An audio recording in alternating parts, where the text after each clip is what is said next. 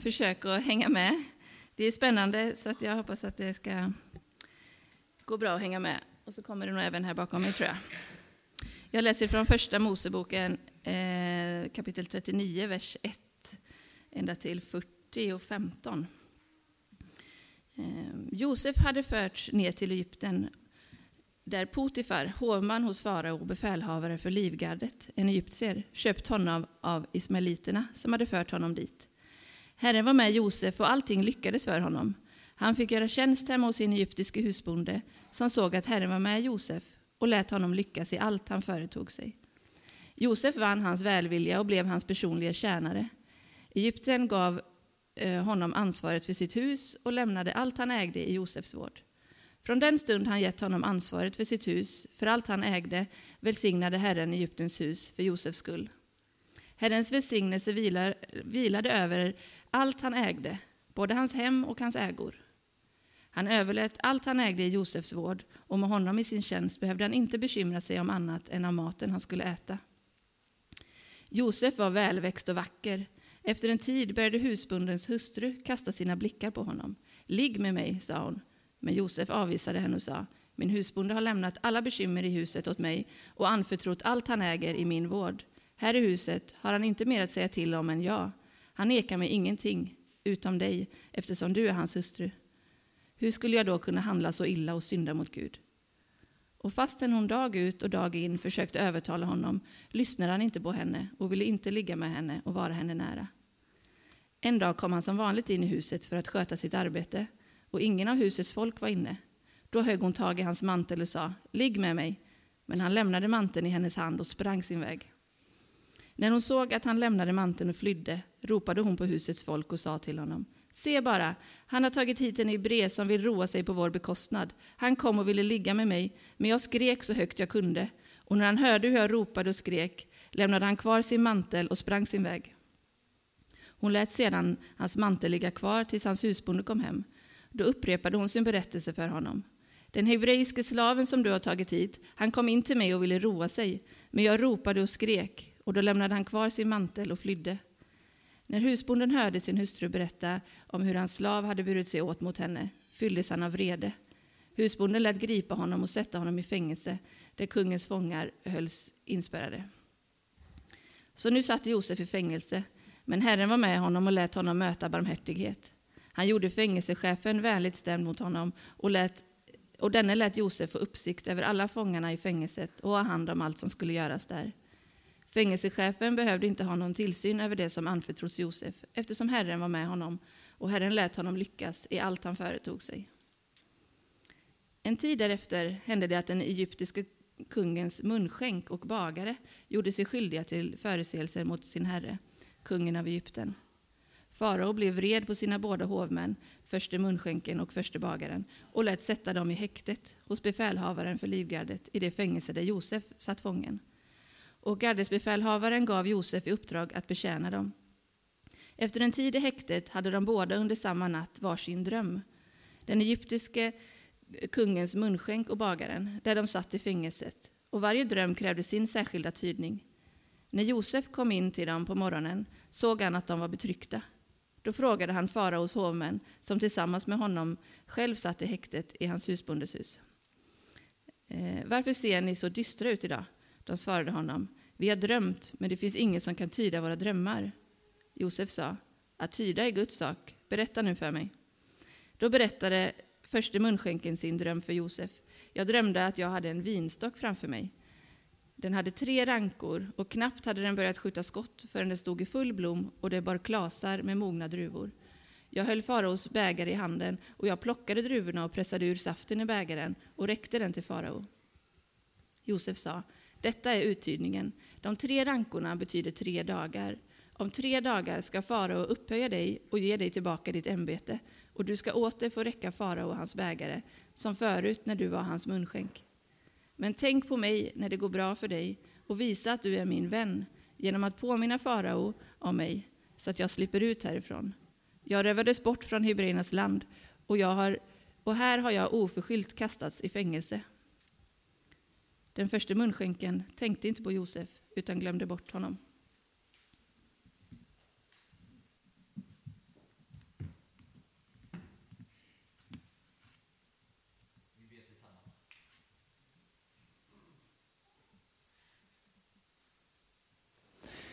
Himmelske Fader, tack för den här texten som vi har fått läsa och vi ber att du öppnar den för oss så att vi kan se vad den har med oss att göra och våra liv, våra sammanhang, våra motgångar och svårigheter. Kom Gud med ditt ljus, kom med ditt liv och kom med din ande. Amen. Ja, det där var en ganska lång text som handlar om Josef. Och vi är inne i del två nu. Förra veckan, ni som var här, hörde del 1, som handlade om avundsjuka. Det var då Josef kastades i brunnen. Och nu har han kastats i fängelset.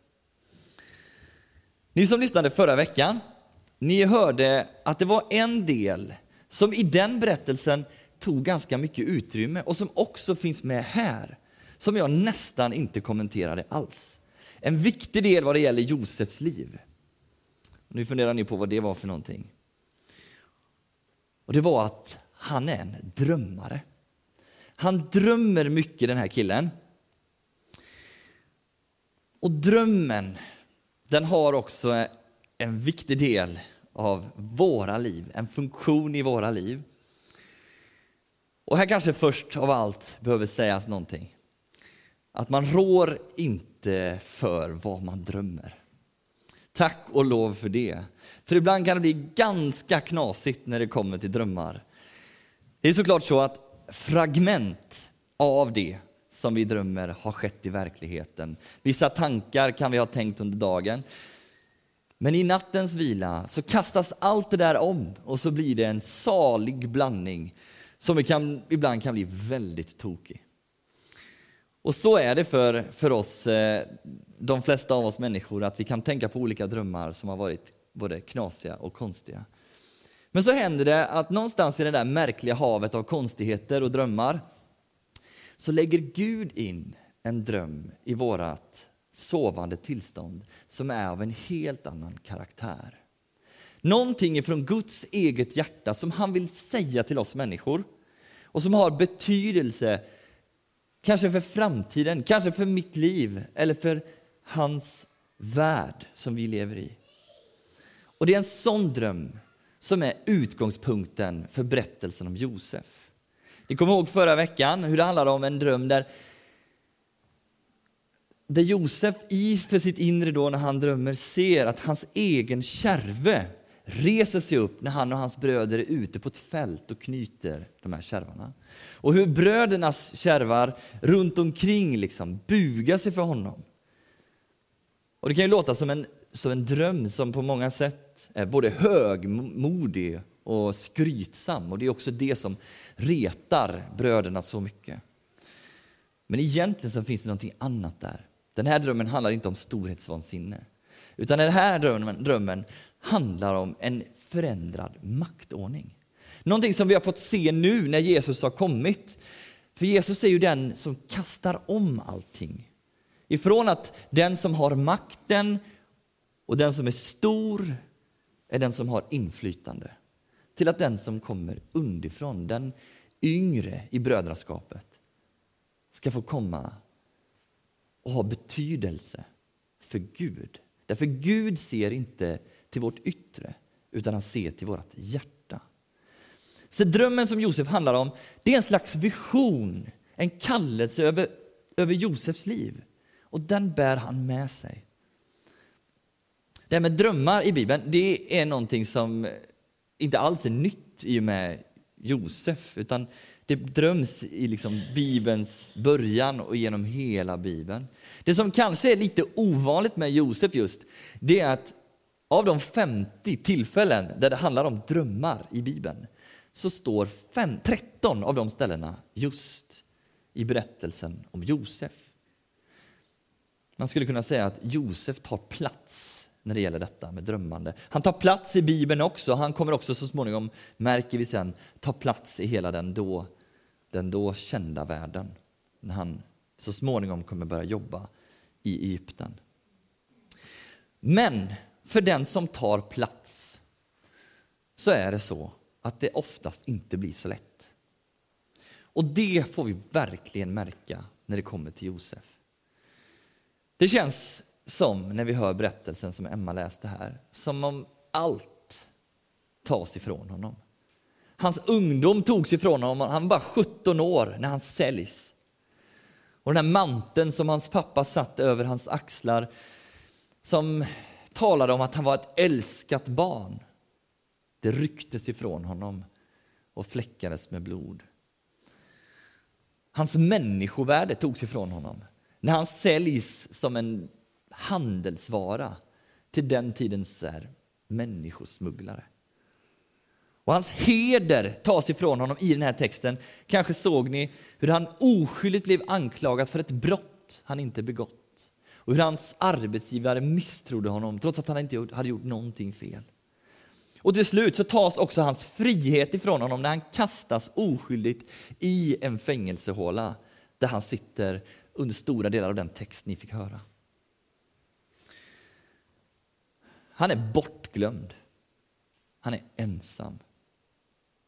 Hans bröder kommer inte längre ihåg honom, förutom i sitt dåliga samvete. Hans hemland har glömt honom, han är långt bort därifrån.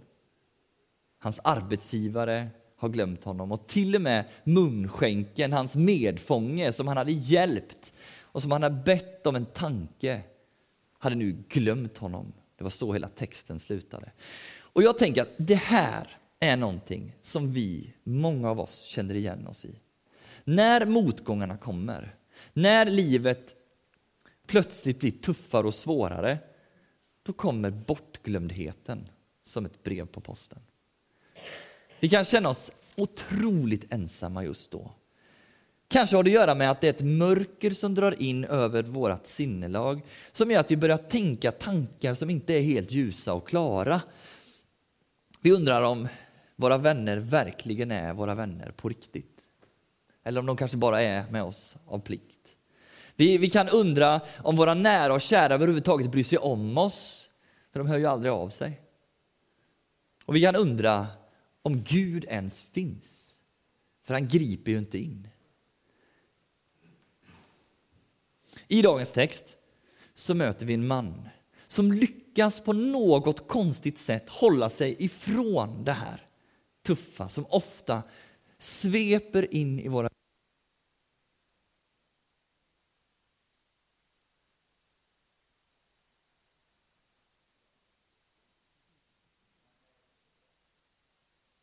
Bra. När motgångar och prövningar kommer så lyckas han ändå på något sätt hålla kvar vid en ljusblick på den här världen. Och vi får tre stycken tips i den här texten som jag skulle vilja dela med mig av ifrån Josefs liv. Två av dem är någonting som, som Jesus gör, eller som, som Josef gör, och en av dem är någonting som Gud gör. Vi börjar med det som, Jesus, som Josef gör. Och då kommer det på väggen också här om vi har lite tur. Det är att Josef håller fast vid en ljus syn på livet. Och vi märker det ganska tydligt i alla sammanhang han hamnar i. Att han hela tiden bevarar en öppenhet för sammanhanget, en vilja att göra det som är rätt och att han möter de nya människorna han kommer till med kärlek. Det hade varit lätt i hans läge att låta det mörka bli livets stora drivkraft. Att förlora sig i besvikelsen över att ha missat sin ungdom, sin frihet, sitt människovärde. Men han fortsätter att sprida värme omkring sig. Och tänker vi efter så är det ju egentligen så här att även om mörkret kommer in i våra liv och över våra liv så påverkar ju det inte omständigheterna. Och när mörkret till slut skingras så kommer det se ut likadant som det gjorde innan mörkret la sig. Omständigheterna är fortfarande kvar, de svåra. Men det ljusa och det vackra kan börja framträda igen när ljuset kommer tillbaka. Och Josef lyckas sig hålla kvar vid den viktiga saken. Och jag tänker att det är en uppmaning ifrån Josefs fängelsehåla till oss. Ett rop som ljuder än idag. Låt inte dina motgångar lägga sig som en besvikelse eller grämelse över ditt liv. För ditt liv är så otroligt mycket mer värt. Det finns en dröm också över ditt liv, en vision. Ditt liv är inte skapat av människohänder. Det är skapat av Gud. Du är hans älskade barn, precis som Josef var det för sin far, så är du det för Gud. Så håll blicken fast vid det ljusa och förlora dig inte i mörkret. Det andra som Josef gör är att han håller fast vid det goda. Det är ganska lätt att om man har drabbats av mycket svårigheter och andra människors ilska och hat, att man också använder den omoral som har drabbat en själv som en slags ursäkt för att handla omoraliskt mot andra. Och den här berättelsen om Puttifar och Josef, det är lite grann av en rysare egentligen. Tänk att komma som en slav in i en hög, klassig familj. Och upptäcka att en så framstående societetskvinna som Puttifars fru, vi kan kanske kalla henne för Puttimor, kastar blickar efter honom. Hur lätt hade det inte varit att rättfärdiggöra lite omoral i det här läget? Han hade ju varit med om så otroligt mycket tufft själv. Och hur långt bort är inte hans närmaste i det här läget? Hur mycket måste han inte törsta efter kärlek när han finns där hos Potifar? Och ändå så väljer han att göra det som är rätt. Det står i Romarbrevet 12 och 9 så här. Det är Paulus som säger detta. Er kärlek ska vara uppriktig. Avsky det onda och håll fast vid det goda. Det här är svårt. Otroligt svårt. Och jag tror att anledningen till att Josef lyckas stå emot här och göra det som är rätt emot sin arbetsgivare, det har att göra med den tredje saken. Att Gud håller fast vid Josef. När Josef håller fast vid det goda, när han håller fast vid det ljusa, så gör han det därför att han vet att Gud håller fast vid honom. Det finns en sak som står tre gånger i den här texten som Emma läste tidigare. Och det är orden Herren var med Josef.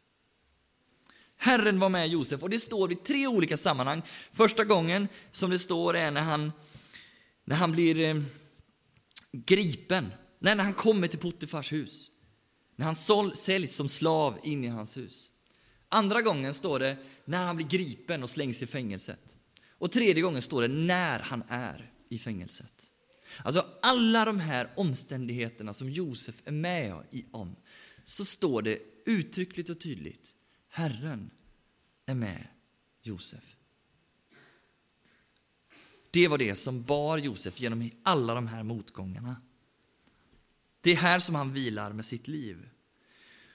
Om vi nu backar bandet lite till förra veckan där vi också konstaterade att det fanns otroligt många likheter mellan Josef och Jesus. Att Jesus, Jesus, precis som Josef, blev förrådd på grund av avundsjuka, både av Judas och av fariseerna så ser vi återigen här nu att den enda som inte har glömt Josef, det är hans far. Vi läste förra veckan att han begrät och sörjde sin son så oerhört att han sa att han skulle liksom minnas honom resten av, resten av hans liv. Hans far kunde inte glömma sin son, fast att han var död. Han trodde ju det. Och Det blir en bild för oss också, att Gud glömmer aldrig dig. Oavsett vad du går igenom, oavsett vilka tuffa motgångar du har i ditt liv så kommer Gud aldrig glömma dig. Och I Apostlagärningarna så står det så här. Gud är inte långt borta från någon enda av oss. Ty i honom är det vi lever, rör oss och är till.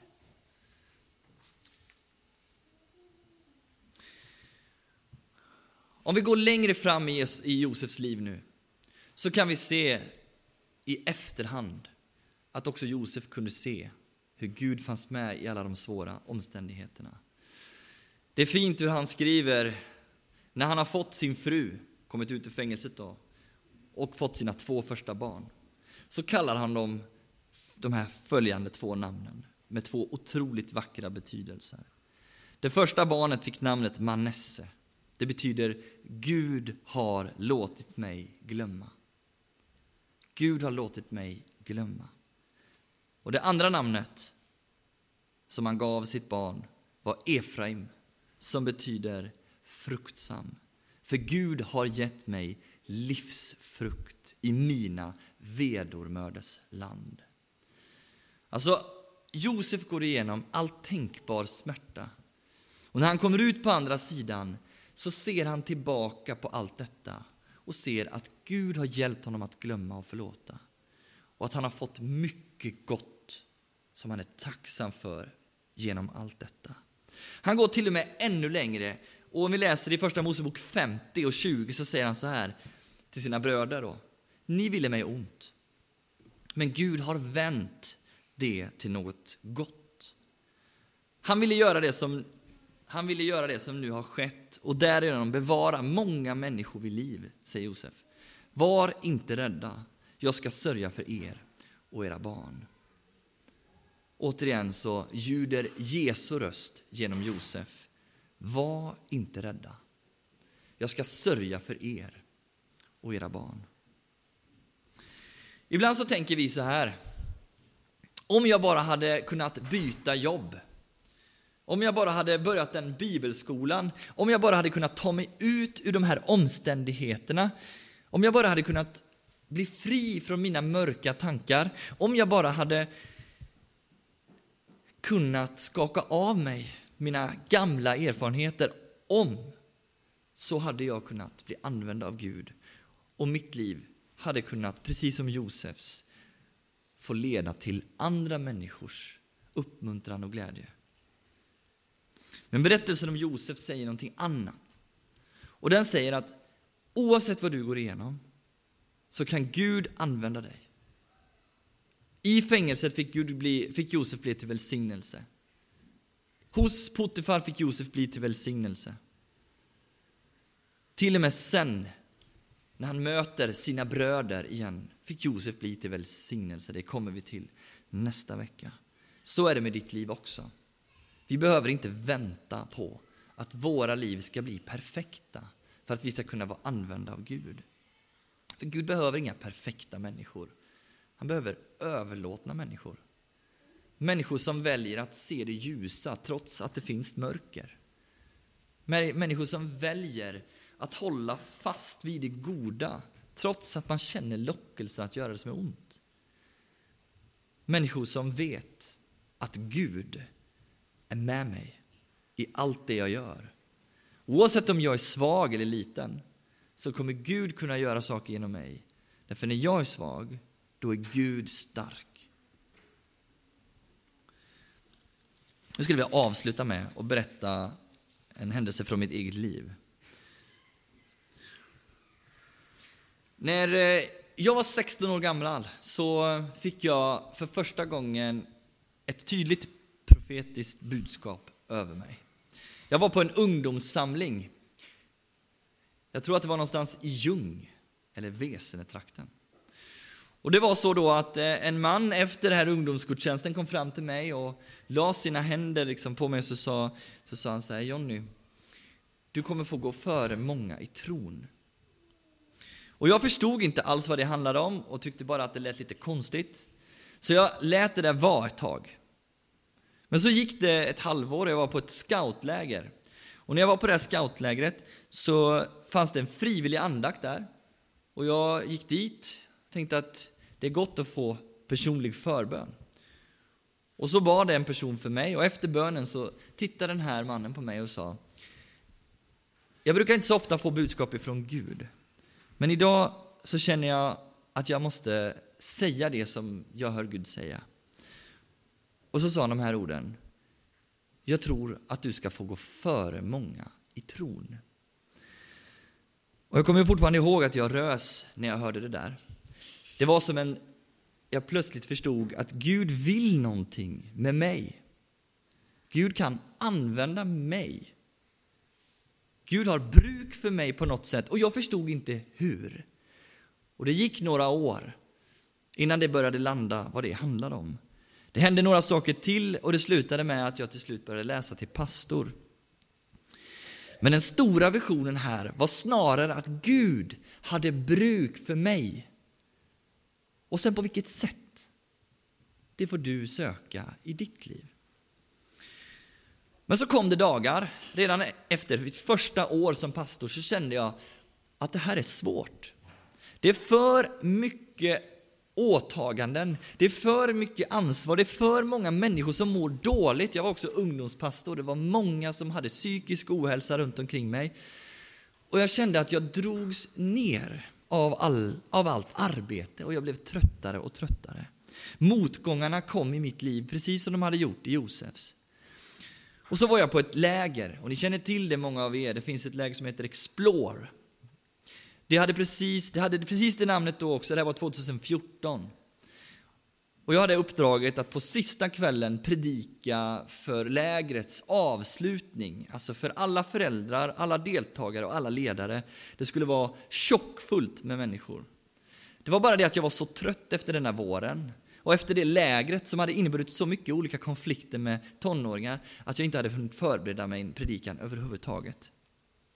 Och sista natten efter diskot så satte jag mig i min husbil som jag hade med mig och började skriva på ett papper.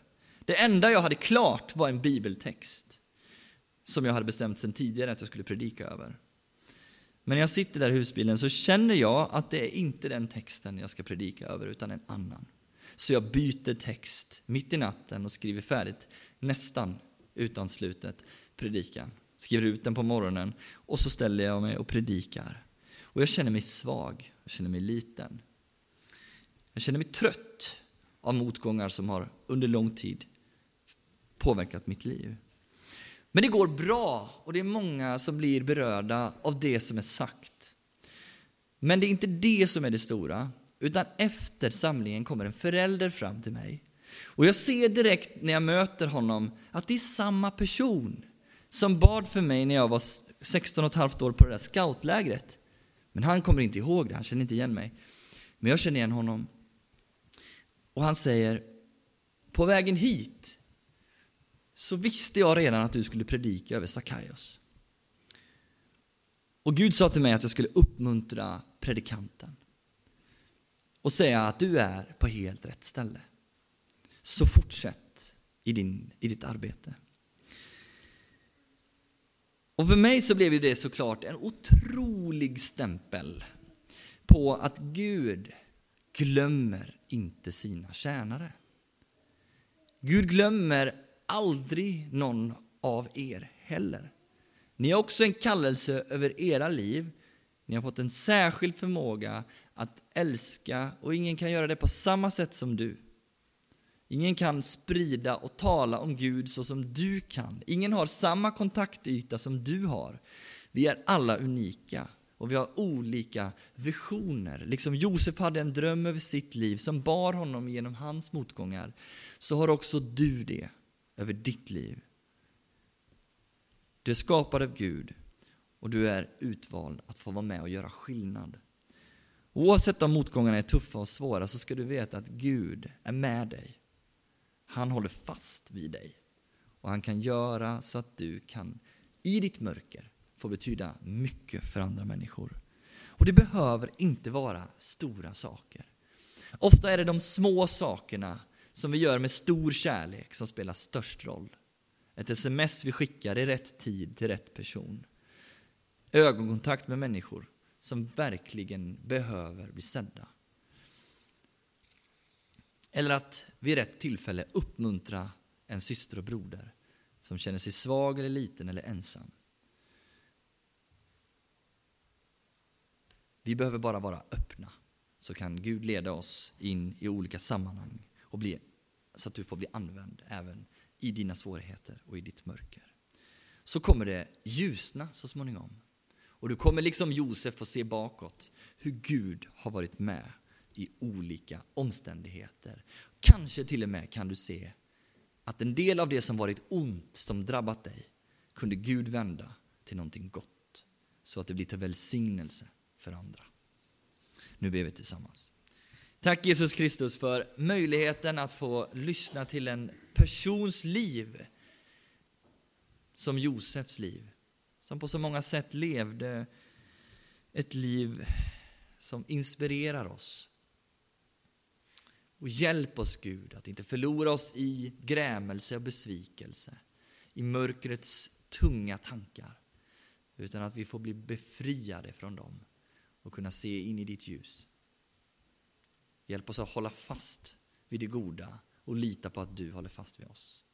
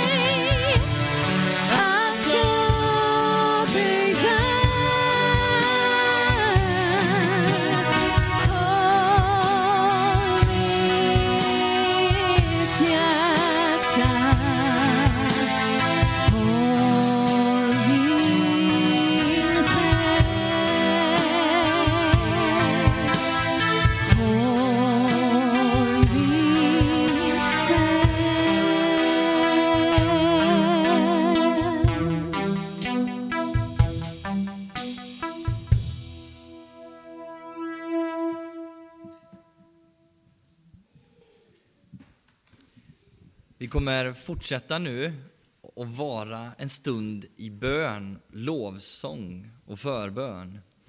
Och